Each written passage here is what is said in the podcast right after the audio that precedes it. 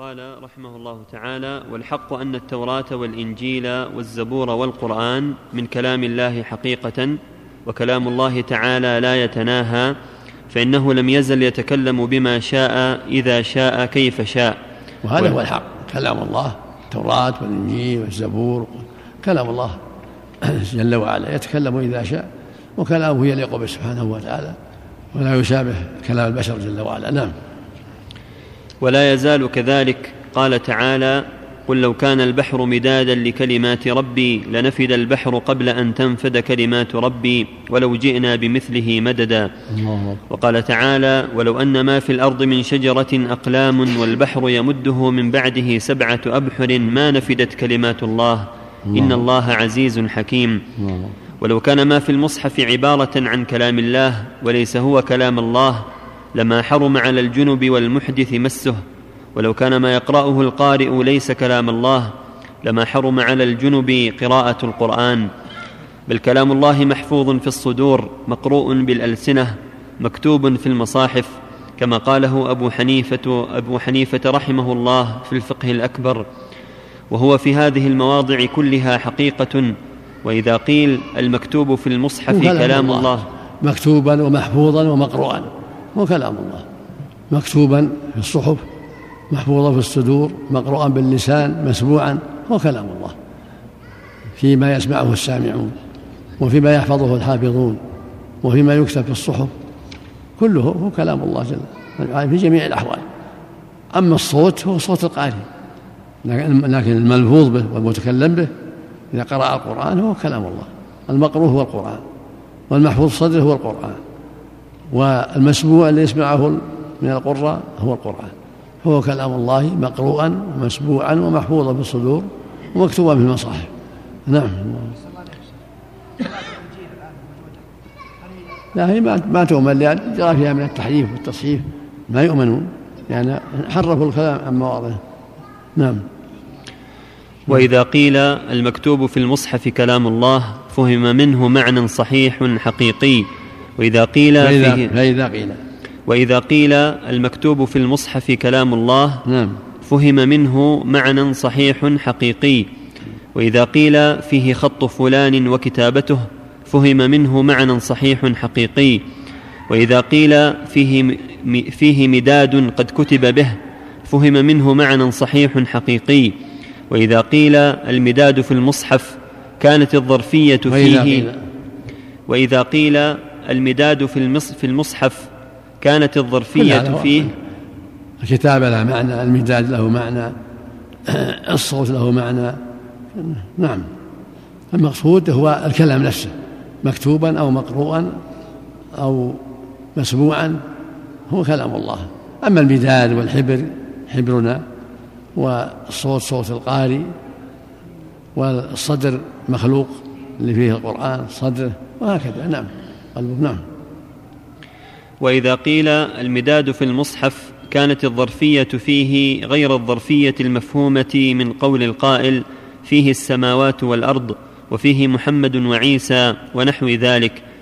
وهذان المعنيان مغايران لمعنى قول القائل فيه خط فلان الكاتب. وهذه المعاني الثلاثة مغايرة لمعنى قول القائل فيه كلام الله. ومن لم يتنبه للفروق بين هذه المعاني ضل ولم يهتدي للصواب. وكذلك الفرق بين القراءة التي هي فعل القارئ والمقروء الذي هو قول الباري. من لم يهتدي له فهو ضال أيضا. ولو أن إنسانا وجد في ورقة مكتوبا ألا كل شيء ما خلا الله باطل؟ من خط كاتب معروف لقال هذا من كلام لبيد حقيقة وهذا خط فلان حقيقة. وهذا كل شيء حقيقة وهذا حبر حقيقة ولا تشتبه هذه الحقيقة بالأخرى. والقرآن نعم مثل ما شعر الشعراء وغيرهم.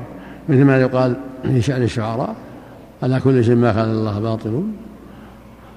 هذا معلوم من النبيد فهو شعره والحبر الحبر والورقة الورقة والكاتب الكاتب غير غير بيت الشعر نعم. والقرآن في الأصل مصدر فتارة يذكر ويراد به القراءة. قال تعالى وقرآن الفجر إن قرآن الفجر كان مشهودا. وقال صلى الله عليه وسلم زينوا القرآن بأصواتكم. وتارة يذكر ويراد به المقروء. قال تعالى فإذا قرأت القرآن فاستعذ بالله من الشيطان الرجيم. وقال تعالى وإذا قرئ القرآن فاستمعوا له وأنصتوا لعلكم ترحمون. وقال صلى الله عليه وسلم إن هذا القرآن أنزل على سبعة أحرف إلى غير ذلك من الآيات والأحاديث الدالة على كل من المؤلف من هذا الرد على المعتزلة والجهمية الذين شبهوا على الناس وقالوا القرآن ليس كلام الله بل هو مخلوق. هذا من أبطل الباطل ومن الكفر والضلال. فالقرآن كلام الله وإن كان يحفظ في الصدور ويكتب في المصاحف. فهذا لا يخرجه عن كونه كلام الله. مثل ما شعر زيد وعمر وشعر وكلام فلان وفلان ما يخرج عن كون كلامه إذا كتب أو حفظ. هو كلامه وهو مخلوق. فكلام الله هو كلامه وإن حفظناه في الصدور وإن كتبناه في الصحف وإن سمعناه من القاري لا يخرج بهذا عن كونه كلام الله. نعم. إلى غير ذلك من الآيات والأحاديث الدالة على كل من المعنيين المذكورين فالحقائق لها وجود عيني وذهني ولفظي ورسمي ولكن الأعيان تعلم ثم تذكر ثم تكتب فكتابتها في المصحف هي المرتبة الرابعة. وأما الكلام فإنه ليس بينه وبين المصحف واسطة بل هو الذي يكتب بلا واسطة ذهن ولا لسان. والفرق بين كونه في زبر الأولين وبين كونه في رق منشور أو في كتاب مكنون واضح. فقوله عن القرآن وإنه لفي زبر الأولين أي ذكره ووصفه والإخبار عنه كما أن محمدا مكتوب عندهم إذ القرآن أنزله الله على محمد لم ينزله على غيره أصلا. ولهذا قال في الزبر ولم يقل في الصحف ولا في الرق.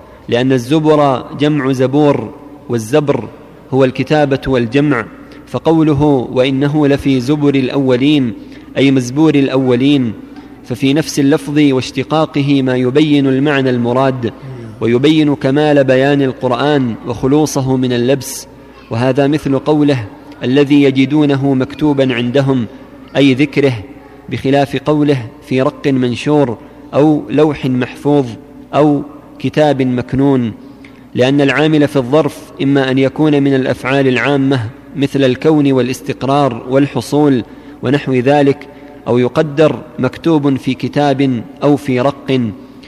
والكتاب تارة يذكر ويراد به محل الكتابة وتارة يذكر ويراد به الكلام المكتوب.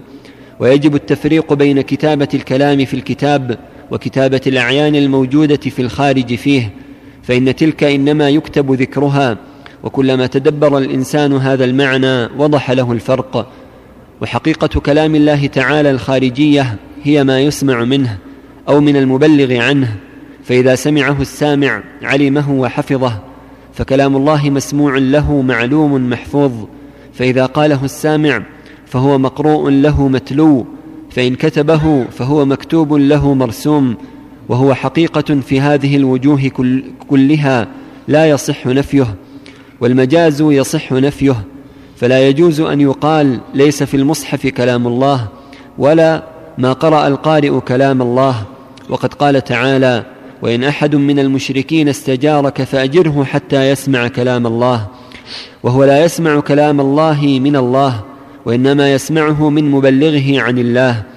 والآية تدل على فساد قول من قال إن المسموع عبارة عن كلام الله وليس هو كلام الله فإنه تعالى قال حتى يسمع كلام الله ولم يقل حتى يسمع ما هو عبارة عن كلام الله والأصل الحقيقة ومن قال إن المكتوب في المصاحف عبارة عن كلام الله أو حكاية كلام الله وليس فيها كلام الله فقد خالف الكتاب والسنة وسلف الأمة وكفى بذلك ضلالا. هذا الرد على من قال إنه معنى. قايم بالله وإلا كان هذا حكاية أو عبارة. هذا باطل. ولهذا قال الشيخ رحمه الله في الواسطية الشيخ تقي الدين ولا يجوز أن يقال إنه عبارة أو حكاية عن كلام الله بل هو نفس كلام الله القرآن. مقروءا ومحفوظا ومكتوبا. الذي يسمع من القارئ هو كلام الله والذي يكتب هو كلام الله والذي يحفظ هو كلام الله. نعم. اللهم ولهذا قال وإن أحد استجارك فأجره حتى يسمع كلام الله. قال يريدون أن يبدلوا كلام الله. نفس القرآن. المسموع هو كلام الله. واللفظ لفظ القارئ. نعم. هذا كلام الكلاء والجماعة. هذا غلط هذا. لا ما, ما قال أنكروا كلام الله في الحقيقة. لأن معناه من هذا اللي بين أيدينا مو بكلام الله. إن كلام في نفسه فقط. وإن هذا عبارة عنه هذا باطل. بل هذا هو نفس كلام الله في القران نعم. الحكم يا شيخ في نعم. الحكم في من قال أو نفى صفة الكلام عن الله عز وجل. نعم. الحكم في من نفى صفة الكلام عن الله. حكم الكفر. كذب مكذب مكذب لله. نعم. مكذب لله. وصفه بأنه لا يتكلم. وصفه بأنه أبكم. نسأل الله العافية. ومن قال إنه مجاز. نعم. قال مجاز لا حقيقة كذلك كله كله باطل. وكلام الله حقيقة. نعم. نعم. نعم. يقال إنهم يقولون ذلك. يقولون حكاية عن كلام الله عبارة. وابن كلاب يقول إنه معنى قائم بالله معنى كلها باطل. هو كلام الله حروفه ومعانيه وكلام الطحاوي رحمه الله يرد قول من قال إنه معنى واحد لا يتصور سماعه منه وأن المسموع المنزل المقروء المكتوب ليس كلام الله وإنما هو عبارة عنه. فإن الطحاوي رحمه الله يقول كلام الله منه بدا وكذلك قال غيره من السلف ويقولون منه بدا وإليه يعود وإنما قالوا منه بدا لأن الجهمية من المعتزلة وغيرهم كانوا يقولون إنه خلق الكلام في محل فبدا الكلام من ذلك المحل فقال السلف منه بدا أي هو المتكلم به. فمنه بدا لا من بعض المخلوقات. هذا هو الحق. منه بدا وإليه يعود. لم يخلق في غيره. لو خلق في غيره صار كلام غيره ما صار كلاما الكلام ينسى إلا من صدر منه. فإذا خلق في حيوان أو في صخرة أو في كذا صار كلامه. ما صار كلام الله. هو كلام الله. منه بدا وإليه يعود. سبحانه وتعالى. خاطب به نبيه عليه الصلاة والسلام. كتاب أنزلناه إليك مبارك. نعم الله أكبر نعم. كما قال تعالى تنزيل الكتاب من الله العزيز الحكيم ولكن حق القول مني. قل نزله روح القدس من ربك بالحق من الله من الابتداء. نعم من الله العزيز الحكيم. نعم يعني ابتدأ منه سبحانه وتعالى نعم. تنزيل من الرحمن الرحيم بدأ منه جل وعلا. نعم. نعم. ومعنى قولهم وإليه يعود أنه يرفع من الصدور والمصاحف فلا يبقى في الصدور منه آية ولا في المصاحف. يعني في آخر الزمان يرفع القرآن من الصحف والصدور هو من علامات الساعة. رفع القرآن من صدور الناس ومن صحفهم فلا تبقى يبقى في الصدور شيء ولا في الصحف شيء. الله أكبر لا, لا حول ولا قوة إلا بالله. نعم. فلا يبقى في الصدور منه آية ولا في المصاحف كما جاء ذلك في عدة آثار. وقوله بلا كيفية أي لا تعرف كيفية تكلمه به قولا ليس بالمجاز وأنزله على رسوله وحيا أي أنزله إليه على لسان الملك فسمعه الملك جبريل من الله وسمعه الرسول محمد صلى الله عليه وسلم من الملك وقرأه على الناس. قال تعالى وقرانا فرقناه لتقرأه على الناس على مكث ونزلناه تنزيلا. وقال تعالى نزل به الروح الأمين على قلبك لتكون من المنذرين بلسان عربي مبين. وفي ذلك إثبات صفة العلو لله تعالى. وقد أورد على ذلك أن إنزال القرآن نظير إنزال المطر وإنزال الحديد. وقد أورد على ذلك أن إنزال القرآن نظير إنزال المطر وإنزال الحديد وإنزال ثمانية أزواج من الأنعام. إيش وقد أورد. وقد أورد على ذلك أن إنزال القرآن نظير إنزال المطر وإنزال الحديد وإنزال ثمانية أزواج من الأنعام. إيه؟ والجواب أن إنزال القرآن فيه مذكور أنه إنزال من الله. قال تعالى حاميم تنزيل الكتاب من الله العزيز العليم. وقال تعالى تنزيل الكتاب من الله العزيز الحكيم. وقال تعالى تنزيل من الرحمن الرحيم. وقال تعالى تنزيل من حكيم حميد. وقال تعالى إنا أنزلناه في ليلة مباركة إنا كنا منذرين فيها يفرق كل أمر حكيم أمرا من عندنا إنا كنا مرسلين. وقال تعالى فأتوا بكتاب من عند الله هو أهدى منهما أتبعه إن كنتم صادقين. وقال تعالى والذين آتيناهم الكتاب يعلمون أنه منزل من ربك بالحق. وقال تعالى قل نزله روح القدس من ربك بالحق وإنزال المطر مقيد بأنه منزل من السماء قال تعالى أنزل من السماء ماء والسماء العلو وقد جاء في مكان آخر أنه منزل من المزن والمزن السحاب وفي مكان آخر أنه منزل من المعصرات وإنزال الحديد والأنعام مطلق فكيف يشتبه هذا الإنزال بهذا الإنزال وهذا الإنزال بهذا الإنزال. فالحديد إنما يكون من المعادن التي في الجبال وهي عالية على الأرض. وقد قيل إنه كلما كان معدنه أعلى كان حديده أجود. والأنعام تخلق بالتوالد المستلزم إنزال الذكور الماء من أصلابها إلى أرحام الإناث. ولهذا يقال أنزل ولم ينزل. ثم الأجنة تنزل من بطون الأمهات إلى وجه الأرض. ومن المعلوم أن الأنعام تعلو فحولها إناثها عند الوطأ وينزل ماء الفحل من علو إلى رحم الأنثى وتلقي ولدها عند الولادة من علو إلى سفل هذا أمر واضح. نزول القرآن هو كلام الله. أخبر أنه كلامه نزل منه جل وعلا. تنزيل من كتاب الله العزيز تنزيل من الرحمن الرحيم. وهو كلامه جل وأخبر أنه كلامه. أما نزول الحديد ونزول الأنعام نزول المطر فهذا بأمره جل وعلا. أنزله أنزل المطر على العباد مخلوقا لهم وأنزل الحديد من الجبال غير مخلوقا لهم وأنزل الأنعام ما يحصل من نزو الذكور على الإناث وعبر بعضهم معنى خلقها والمعنى واحد. فالناس يشاهدونها مخلوقة موجودة فلا ليس هذا من جنس إنزال القرآن فالقرآن كلامه. نزل منه بدءا منه بدأ وإليه يعود. تنزيل من الرحمن الرحيم. فالقرآن كلامه نزل منه جل وعلا ابتداء وإليه ينتهي في آخر الزمان. ينزع من الصحف ومن الصدور.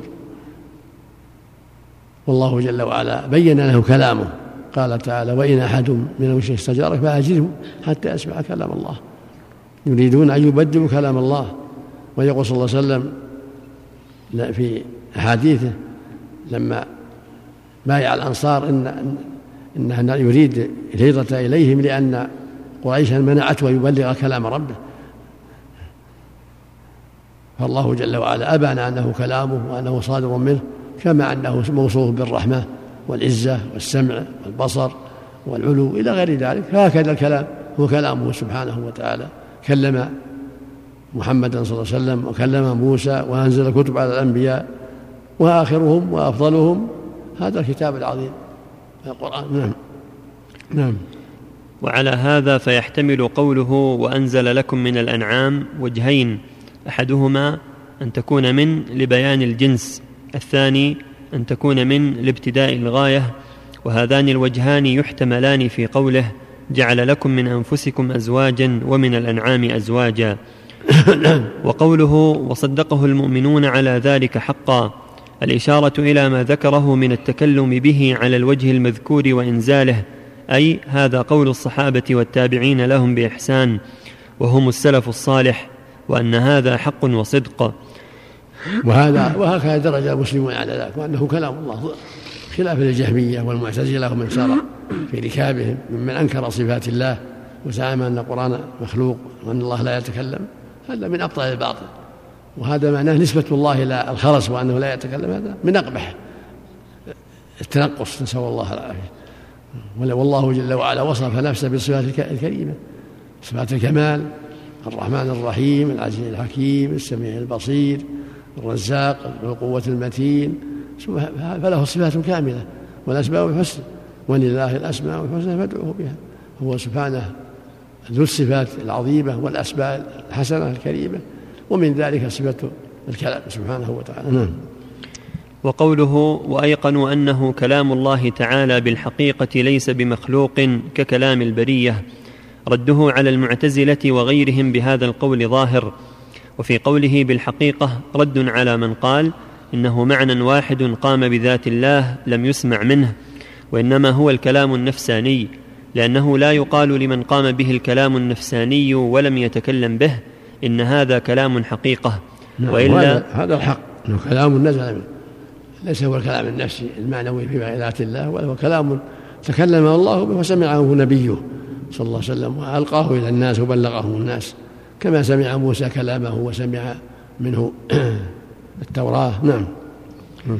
وإلا للزم أن يكون الأخرس متكلما. ولزم الا يكون الذي في المصحف عند الإطلاق هو القرآن ولا كلام الله. ولكن عبارة عنه ليست هي كلام الله. كما لو أشار أخرس إلى شخص بإشارة فهم بها مقصوده فكتب, فكتب ذلك الشخص عبارته عن المعنى الذي أوحاه إليه ذلك الأخرس. فالمكتوب هو عبارة ذلك الشخص عن ذلك المعنى. وهذا المثل مطابق غاية المطابقة لما يقولونه. وإن كان الله تعالى لا يسميه. جاء قال أبو العباس بن رحمه الله في الوصية ولا يجوز إطلاق القول بأنه حكاية عن كامل له عبارة بل هو كلام الله حقيقة حروفه ومعاني ليس كلام الله حروف من المعاني ولا المعاني من الحروف بل هو كلام الله حرفا ومعنى لفظا ومعنى. ومن قال من الخوارج أو المعتزلة أو الكلابية وغيرهم ممن سار على منهج هذا المنهج الضال فقد غلط وضل عن السبيل. وكفر بإنكاره كلام الله عز وجل. نسأل الله العافية. وإن كان الله تعالى لا يسميه أحد أخرس لكن عندهم أن الملك فهم منه معنى قائما بنفسه لم يسمع منه حرفا ولا صوتا بل فهم معنى مجردا ثم عبر عنه. فهو الذي أحدث نظم القرآن وتأليفه العربي أو أن الله خلق في بعض الأجسام كالهواء الذي هو دون الملك هذه العبارة. ويقال لمن قال إنه معنى واحد هل سمع موسى عليه السلام جميع المعنى أو بعضه؟ فإن قال سمعه كله فقد زعم أنه سمع جميع كلام الله وفساد هذا ظاهر.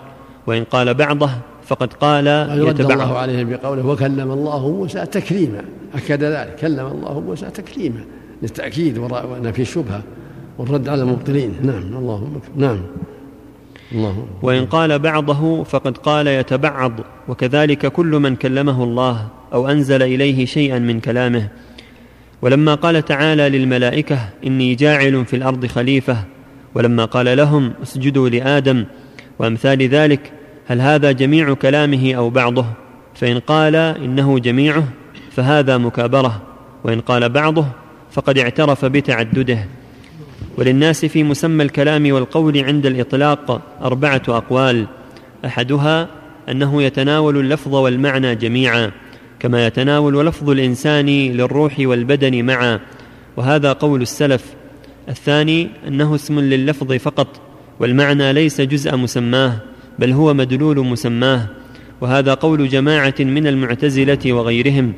الثالث أنه اسم للمعنى فقط وإطلاقه على اللفظ مجاز لأنه دال عليه وهذا قول ابن كلاب ومن اتبعه.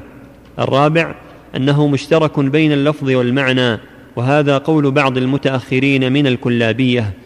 ولهم قول ثالث يروى عن أبي الحسن أنه مجاز في كلام الله حقيقة في كلام الآدميين لأن حروف الآدميين تقوم بهم فلا يكون الكلام قائما بغير المتكلم بخلاف كلام الله فإنه لا يقوم عنده بالله.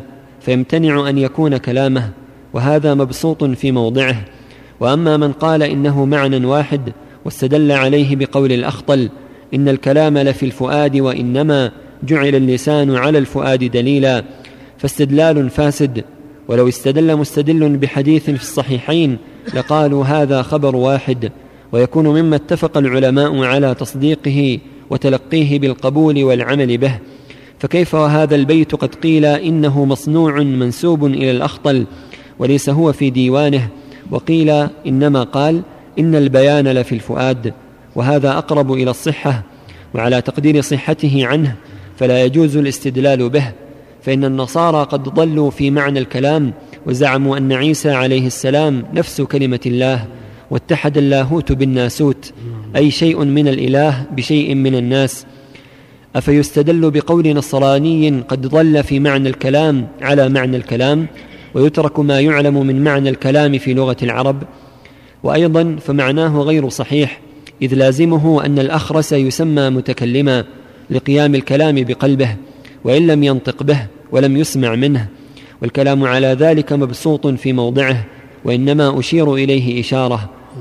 وهنا معنى عجيب وهو أن هذا القول له شبه قوي بقول النصارى القائلين باللاهوت والناسوت فإنهم يقولون كلام الله هو المعنى القائم بذات الله الذي لا يمكن سماعه وإنما النظم المسموع مخلوق فإفهام المعنى القديم بالنظم المخلوق يشبه امتزاج اللاهوت بالناسوت الذي قالته النصارى في عيسى عليه السلام. فانظر إلى هذا الشبه ما أعجبه. ويرد قول من قال بأن الكلام هو المعنى القائم بالنفس قوله صلى الله عليه وسلم إن صلاتنا هذه لا يصلح فيها شيء من كلام الناس وقال إن الله يحدث من أمره ما يشاء وإن مما أحدث أن لا تكلموا في الصلاة واتفق العلماء على أن المصلي إذا تكلم في الصلاة عامدا لغير مصلحتها بطلت صلاته واتفقوا كلهم على أن ما يقوم بالقلب من تصديق بأمور دنيوية وطلب لا يبطل الصلاة وإنما يبطلها التكلم بذلك فعلم اتفاق المسلمين على أن هذا ليس بكلام. وأيضا ففي الصحيحين عن النبي صلى الله عليه وسلم أنه قال إن الله تجاوز لأمتي عما حدثت به أنفسها ما لم تتكلم به أو تعمل به. فقد أخبر أن الله عفى عن حديث النفس إلا من لطفه سبحانه. إن الله تجاوز عما حدث به ما لم تعمل أو تكلم. فالإنسان قد يوسوس ويقع في قلبه شيء. الله جل وعلا عفى عن هذا ما لم يتكلم أو يعمل. وهو دليل على ما ما يكون في النفوس ما يسمى كلام. الكلام ما يتكلم به الإنسان وينطق به. أما ما في النفوس فليس بكلام وإنما هو وساوس. أو عزم. والله سمى كتابه كلاما وسمى وحيه لنبيه كلاما.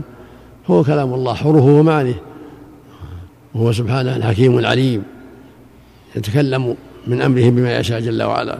ولهذا يقول في آخر الليل جل وعلا هل من سائل فيعطى سؤله؟ هل من مستغفر فيغفر له؟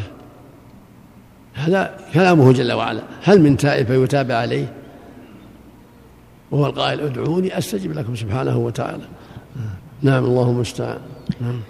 فقد أخبر أن الله عفى عن حديث النفس إلا أن تتكلم ففرق بين حديث النفس وبين الكلام وأخبر أنه لا يؤاخذ به حتى يتكلم به والمراد حتى ينطق به اللسان باتفاق العلماء فعلم أن هذا هو الكلام في اللغة. لو لو جاء في خاطره إنه يطلق أو يعتق أو يتكلم بشيء غيبة أو غيرها ما ما يؤخذ بهذا حتى ينطق.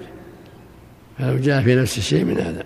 عزم إنه يطلق أو عزم يعتق عبيدة أو عزم يغتاب فلان أو يسب فلان ولكن لم يتكلم لم يؤخذ بهذا حتى ينطق بما بما في قلبه. أو يعمل عملا يدل على ما في قلبه. وإلا فالله جل وعلا يتجاوز عما في النفوس وهذا من فضله جل وعلا. ومن إحسانه سبحانه وتعالى. إن الله تجاوز عن أمتي ما حدث بها موسى ما لم تعمل أو تكلم. ما دام وساوس أما إذا كان عمل كالخوف والرجاء والمحبة والإخلاص هذا يؤجر عليه العبد. كما أن ضد من النفاق يأثم به العبد في قلبه أعمال القلب مؤاخذا بها. أما الوساوس لا. فعلم أن هذا هو الكلام في اللغة لأن الشارع إنما خاطبنا بلغة العرب. وأيضا ففي السنن أن معاذا رضي الله عنه قال يا رسول الله وإنا لمؤاخذون بما نتكلم به. فقال وهل يكب الناس في النار على مناخرهم إلا حصائد ألسنتهم؟ فبين أن الكلام إنما هو باللسان. فلفظ القول والكلام وما تصرف منهما من فعل ماض ومضارع وأمر واسم فاعل إنما يعرف في القرآن والسنة وسائر كلام العرب إذا كان لفظا ومعنى ولم يكن في مسمى الكلام نزاع بين الصحابة والتابعين لهم بإحسان وإنما حصل النزاع بين المتأخرين من علماء أهل البدع ثم انتشر. ولا ريب أن مسمى الكلام والقول ونحوهما ليس هو مما يحتاج فيه إلى قول شاعر فإن هذا مما تكلم به الأولون والآخرون من أهل اللغة وعرفوا معناه كما عرفوا مسمى الرأس واليد والرجل ونحو ذلك. ولا شك أن من قال إن كلام الله معنى واحد قائم بنفسه تعالى وإن المتلو المحفوظ المكتوب المسموع من القارئ حكاية كلام الله وهو مخلوق. فقد قال بخلق القرآن في المعنى وهو لا يشعر. فإن الله تعالى يقول قل لئن اجتمعت الإنس والجن على أن يأتوا بمثل هذا القرآن لا يأتون بمثله أفتراه سبحانه وتعالى؟ يشير إلى ما في نفسه أو إلى هذا المتلو المسموع. ولا شك أن الإشارة إنما هي إلى هذا المتلو المسموع إذ ما في ذات الله غير مشار إليه ولا منزل ولا متلو ولا مسموع. وقوله لا يأتون بمثله أفتراه سبحانه يقول لا يأتون بمثل ما في نفسي مما لم يسمعوه ولم يعرفوه وما في نفس الباري عز وجل لا حيلة إلى الوصول إليه ولا إلى الوقوف عليه.